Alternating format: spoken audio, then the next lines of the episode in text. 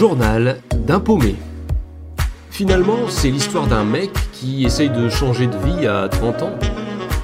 Bonne écoute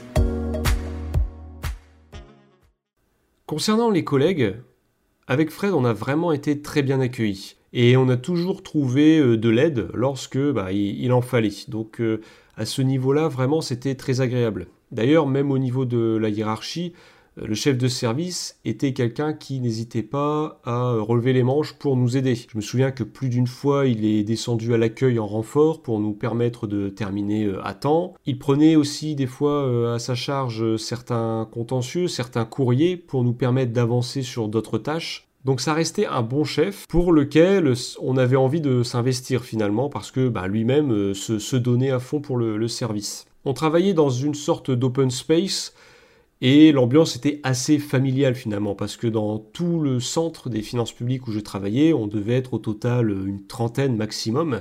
Donc tout le monde se connaissait, et en plus on était, je crois, cinq collègues cette année-là à arriver en tant que nouveaux, et on avait tous à peu près le même âge, donc ça avait vraiment donné un, nouveau souffle, comme on avait pu nous, le dire. Et même pour l'ambiance du travail, ça avait été vraiment profitable, parce qu'avec Fred, en plus, on est du genre à aimer se, taquiner. Euh, on aime beaucoup euh, rire, on a souvent les mêmes références euh, en termes euh, cinématographiques, etc. Et les autres collègues, les anciens, si je puis dire, bah, ont vite pris part à, ça et se sont mis aussi à facilement blaguer, à, être plus détendus finalement. Plus d'une fois, on nous a dit que l'ambiance était vraiment meilleure que ce qu'ils avaient connu quelques années encore auparavant. Et on était content. Personnellement, l'ambiance que je retrouvais au travail était ma principale source de motivation. C'est ça le matin qui me donnait envie d'aller au travail parce que même si ce qu'on faisait n'était pas très intéressant, je savais que bah, j'allais retrouver des personnes agréables avec qui j'allais probablement rire, que j'allais pouvoir aussi euh, un peu taquiner, enfin bref, sans que ce soit la foire à la saucisse, hein, on faisait vraiment euh, le travail qu'on nous demandait. les chefs étaient très contents de nous. Et c'était une chance parce que je me suis rendu compte que l'ambiance, elle détermine tout. On peut, exercer un travail qui de base nous passionne si les collègues avec qui on bosse, si l'ambiance générale est pourrie, bah, peu importe à quel point on aime le travail, à terme, euh, ça finit par péter quoi. Et là, dans le cas présent, bah certes, le travail n'était pas passionnant, mais l'ambiance était tellement sympa que on y allait avec plaisir. Et je me souviens que oui, de temps en temps, les collègues qui ramenaient par exemple une brioche pour la pause à, 10h. Il y a euh, plus d'une fois, on a été au restaurant ensemble. On a même fait quelques randonnées euh, après le boulot. Bref, c'était vraiment sympa. On retrouvait quand même une ambiance de bureau, mais ça, bon, c'est partout. Hein. C'est-à-dire que euh, bah, de toute façon, des gens qui sont là depuis 40 ans, ils ont eu le temps d'accumuler des choses, des vieilles rancœurs qui ressurgissaient de temps en temps.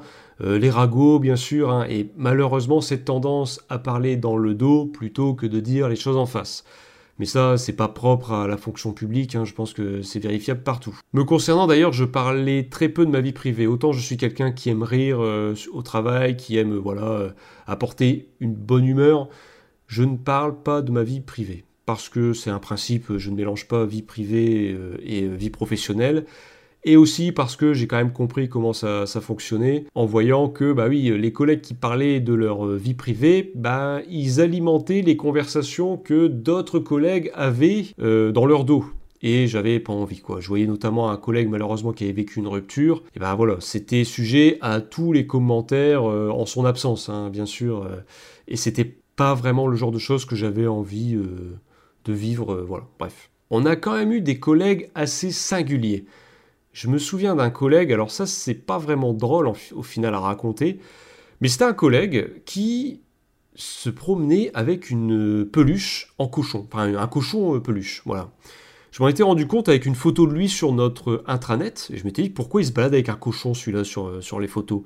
Et on m'avait expliqué que apparemment, bah, ce collègue-là, euh, il aimait bien quand il était à l'accueil. En fait, c'était un collègue itinérant. Il, il, allait aider les différents centres durant l'année selon les besoins. Et quand il se retrouvait à l'accueil, bah, il aimait bien poser ce cochon en peluche à côté de lui, et que apparemment c'était un peu pour provoquer euh, les gens qui étaient de confession musulmane, parce que une partie importante de la population était de confession musulmane. Et donc bon, quand j'avais entendu ça, ça m'avait quand même scandalisé, mais ok, personne ne dit rien. Et j'ai pu voir de mes propres yeux le cochon en question, puisque ce collègue, un jour, comme il était itinérant, était venu dans, mon centre des finances publiques, et en effet, bah, il se baladait avec son cochon. N'empêche, quand j'y repense, là, aujourd'hui, je me dis, mais comment ça a pu se, passer sans que personne ne lui dise jamais rien? Enfin bref, j'espère en tout cas que à l'heure actuelle, les choses ont, changé, franchement. Un autre collègue un peu singulier, qui était itinérant lui aussi. Euh, en fait, une fois, on était euh, bah, au centre, hein, et lui, du coup, il travaillait, et à un moment, il se lève et il part au rez-de-chaussée où se trouve l'accueil, donc euh, l'accueil hein, où les contribuables viennent. Et ce collègue, ben, il arrive à l'accueil, il prend un ticket, il fait la queue avec euh, ben, les contribuables, hein, euh, vient son tour, il va à la caisse, la caisse c'est où les gens vont payer leur impôt. Et lui, il avait un impôt à payer, une taxe foncière, je crois, je sais plus. Et le collègue de la caisse le voit arriver, il comprend pas trop, bah, qu'est-ce que tu fais là, quoi. Et hop, il paye, du coup, son impôt, il remonte, il retourne pas tout de suite à son bureau, il va d'abord voir au dernier étage le chef de service pour lui dire Eh oh, euh, j'ai été payé mon impôt, euh, bah il y a du monde à l'accueil, hein. j'ai attendu une heure. Hein. Et puis il est redescendu, puis il a repris son travail normal.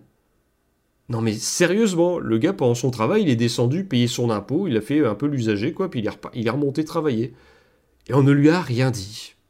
Pour revenir à l'accueil, j'y allais euh, assez régulièrement, et la plupart des gens étaient euh, sympathiques. Hein. Les usagers, à partir du moment où on les accueille avec le sourire, etc., c'est même arrivé que, bon, ils arrivent, ils sont un peu énervés, ils voient que, voilà, on leur dit, bah bonjour, alors dites-moi tout, qu'est-ce qui se passe et tout, bah, ils se calment tout de suite. C'est même arrivé, je me souviens une dame qui m'a dit, bon, je vous préviens, je suis pas contente, mais avec le sourire parce que, euh, voilà, j'avais été euh, sympa avec elle. Et à la fin, bah, des gens qui nous remercient de la patience, etc. Il y a vraiment eu des, gens qui m'ont touché, en particulier pendant la, ce qu'on appelle la campagne, c'est la période où les, gens font leur euh, déclaration de revenus. Beaucoup viennent venaient encore, en tout cas, faire leur déclaration papier. Dans ces cas-là, on les avait en rendez-vous, puis on les aidait. Et je me souviens d'un homme en particulier qui, malheureusement, avait perdu son épouse. Et euh, bah, il était un peu perdu euh, suite à tout ça, hein, ce qui peut se comprendre. Et il, est arrivé et il avait besoin d'aide quoi pour, pour les démarches. Et il s'est effondré devant moi, quoi, parce que bah, c'était encore très dur pour lui.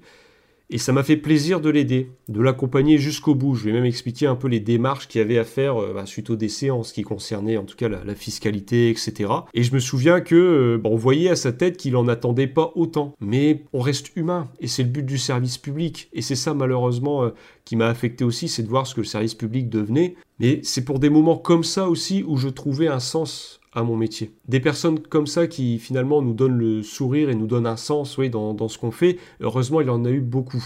Il y a eu aussi quelques cas, et il y en aura toujours, euh, qui sont beaucoup plus compliqués à gérer. Des gens, euh, bon, de toute façon, ils sont là, ils ne veulent rien savoir, c'est l'administration qui en tort, etc.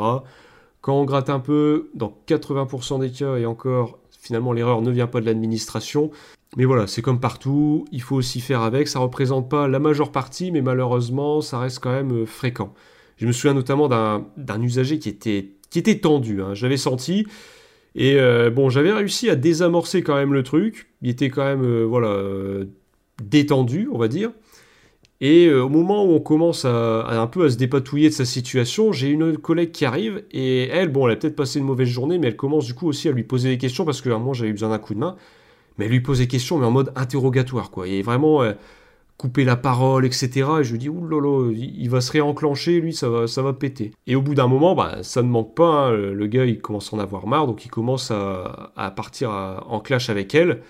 Et je me souviens, il se retourne vers moi, il dit Bon, vous, monsieur, vous avez été cool et pour ça, je vous remercie. Et après, il, se retourne vers elle, il commence vraiment à s'énerver. Il lui dit Ouais, de toute façon, je vous emmerde. Enfin bref. Il a même traité de vieille morue. Et en partant, euh, il a explosé le cendrier que les collègues euh, fumeurs euh, avaient mis dehors pour, pour leur pause. En plus, c'est moi qui ai dû nettoyer. Bon, bref. À part ça, la plupart du temps, voilà, ça se passait bien, mais c'était juste épuisant parce qu'on était souvent sous-effectif. par rapport au monde qu'il y avait au niveau du, service. Au bout de deux ans, mon cher Fred euh, s'en va. Il a passé le concours pour être inspecteur et euh, bah, il est pris. Donc euh, il, est envoyé à Toulouse, alors il continue le Tour de France hein, pour être formé et il va poursuivre son, parcours. Mais voilà, je me retrouve sans mon pote finalement après deux ans de, bons et loyaux services ensemble. Les collègues me poussent à passer le concours d'inspecteur également, notamment aussi le, chef de service qui me dit que voilà euh, j'ai le sens du service public, que je respecte la hiérarchie et que j'entretiens de très bons rapports, que ce soit avec les collègues ou avec euh, les usagers. Malheureusement, en ce qui me concerne, je sens que je ne me vois pas m'engager davantage dans les finances publiques. Alors par m'engager, c'est en termes d'années. Pour revenir rapidement à ce que je vous avais dit précédemment, inspecteur, je m'engage 8 ans. Et à ce moment-là, je me dis, mais est-ce que je me vois vraiment travailler 8 ans? Surtout que je les voyais, les inspecteurs de mon service et du centre des finances publiques, je n'enviais la place d'aucun d'entre eux. Donc je repousse finalement euh, ce, concours, je n'ai pas envie de, m'y investir.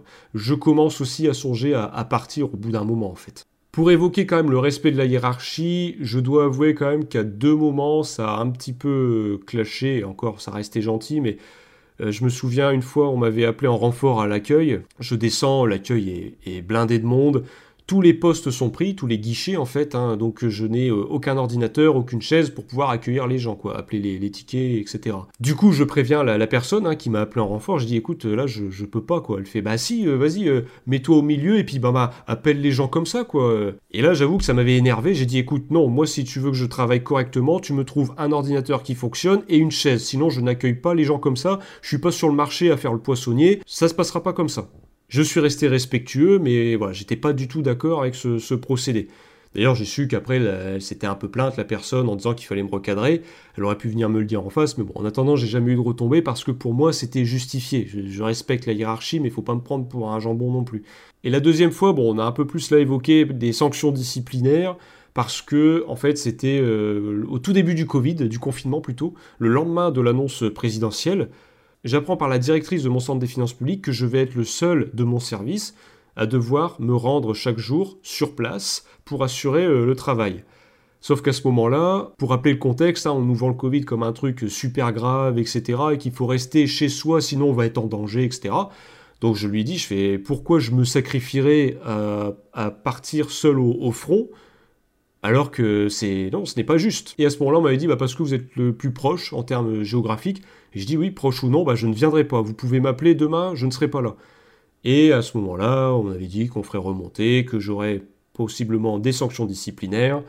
J'ai dit que j'assumais totalement et que j'étais prêt à en débattre avec n'importe qui s'il le fallait. Finalement, après discussion, on a quand même trouvé un arrangement pour que je puisse bah, venir, bien sûr, mais pas tous les jours, parce que pour moi c'était normal, j'allais pas mettre ma, santé en danger pour la DGFIP. Euh, non merci, je lui donnais déjà de mon temps, c'était pas, j'avais pas envie de donner plus que ça.